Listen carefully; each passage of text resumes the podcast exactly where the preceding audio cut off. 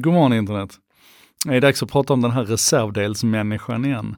Eh, jag vet inte om ni, om ni följer det här så vet ni att jag älskar det här med hur vi idag bygger tekniska möjligheter att faktiskt bli en, en ännu bättre, mer välfungerande människa än vad vi är från början. Där, där vi tittar på proteser idag som inte bara är en sämre ersättning av din, din gamla hand utan den är stark som en ASEA-robot med 720 graders rörlighet eller när vi bygger hörapparater och vi hjälper den som är hörselskadad idag så, så kan man faktiskt få superhörsel. Alltså du kan, du kan urskilja konversationer på ett bättre sätt än vad normalt normalhörande människa kan göra. Du kan höra svagare ljud, du är mindre känslig för starka ljud. Alltså, det är klart att tekniken idag ger oss de här möjligheterna. Och det tydligaste exemplet som jag tror jag har nämnt innan, det är kanske att Oscar Pistorius, ni vet han Blade Runner som är amputerad från knäna och neråt och som har sådana här grafitblad istället han får inte längre lov att, att tävla mot fullfungerande människor eller eh, icke-apporterade människor.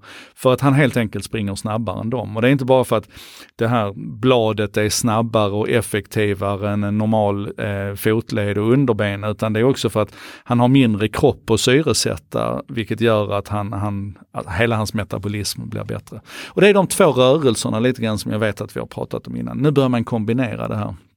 Jag ska börja med att säga så här att som, som nyligen stelopererad, jag hade ju ingen känsel i fingertopparna i, i nästan fyra år och sen tappade jag känseln i händerna och motoriken blev störd. Nu har man ju då varit inne, och, varit inne och fixat det på mig här så att nu kommer ju känseln tillbaka. Jag kan säga det är en underbar känsel att få tillbaka. Det är en underbar känsla att få tillbaka känseln. Um, det man har gjort här nu det är att ett, ett litet forskarteam, det är forskare från eh, universiteten i Zürich, Belgrad och så vidare. De har publicerat en artikel i Nature Medicine, igår tror jag den kom ut, där man alltså har adderat känsel till en benprotes. Och det här har man experimenterat med tidigare i, i mindre proteser, men det här är alltså en stor protes, det är från över knät och ner hela fotleden och foten.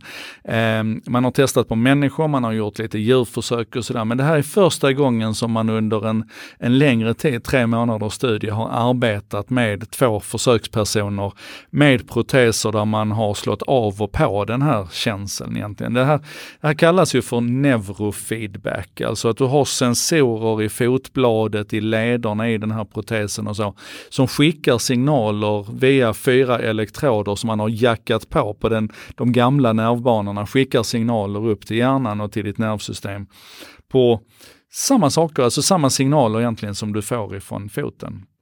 Och utöver att det här naturligtvis har man kunnat slå av och på den här neurofeedbacken och jämföra en, en inom citationstecken dum protes med den här, eh, den här protesen med inbyggd känsel och ser då enorma skillnader. Naturligtvis ser man skillnader i hur bra du kan gå med den, hur snabbt du kommer igång, hur mycket fysisk smärtskillnad det gör, men också mental skillnad. Att du kan det känns mer som en, en, existerande, det är inte ett verktyg tror jag man beskriver det som, att försökspersonerna upplever inte längre sin protes som ett verktyg utan faktiskt som en del av sin kropp istället. Eh, också spännande att läsa hur man, ni vet de här fantomsmärtorna som du pratar så mycket om, att när du amputerar en, en kroppsdel så kan du fortfarande liksom uppleva smärta i den fast att den inte finns där längre. Och den ena försökspersonen tyckte att han blev helt av med fantomsmärtorna under den här tre månaders perioden och den andra blir av med 80 av, av smärtan. Och det är fantastiska resultat naturligtvis om man jämför med hur, hur de flesta andra patienter med proteser upplever det.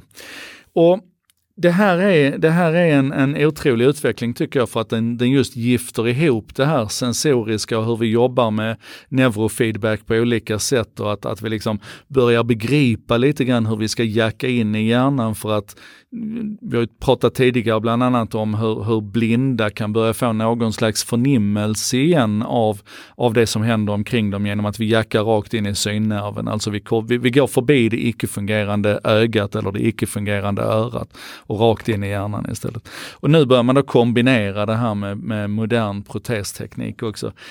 Och det är så det är som det står här, att det är långt kvar innan det här är någonting som är, är, är i full drift liksom för permanenta implantat och så vidare. Men, men bara det faktum att vi börjar hitta sätt nu att, att få känseln integrerad i våra ersättningslemmar, det gör mig så otroligt lycklig för jag vet hur jobbigt det är att vara utan känsel.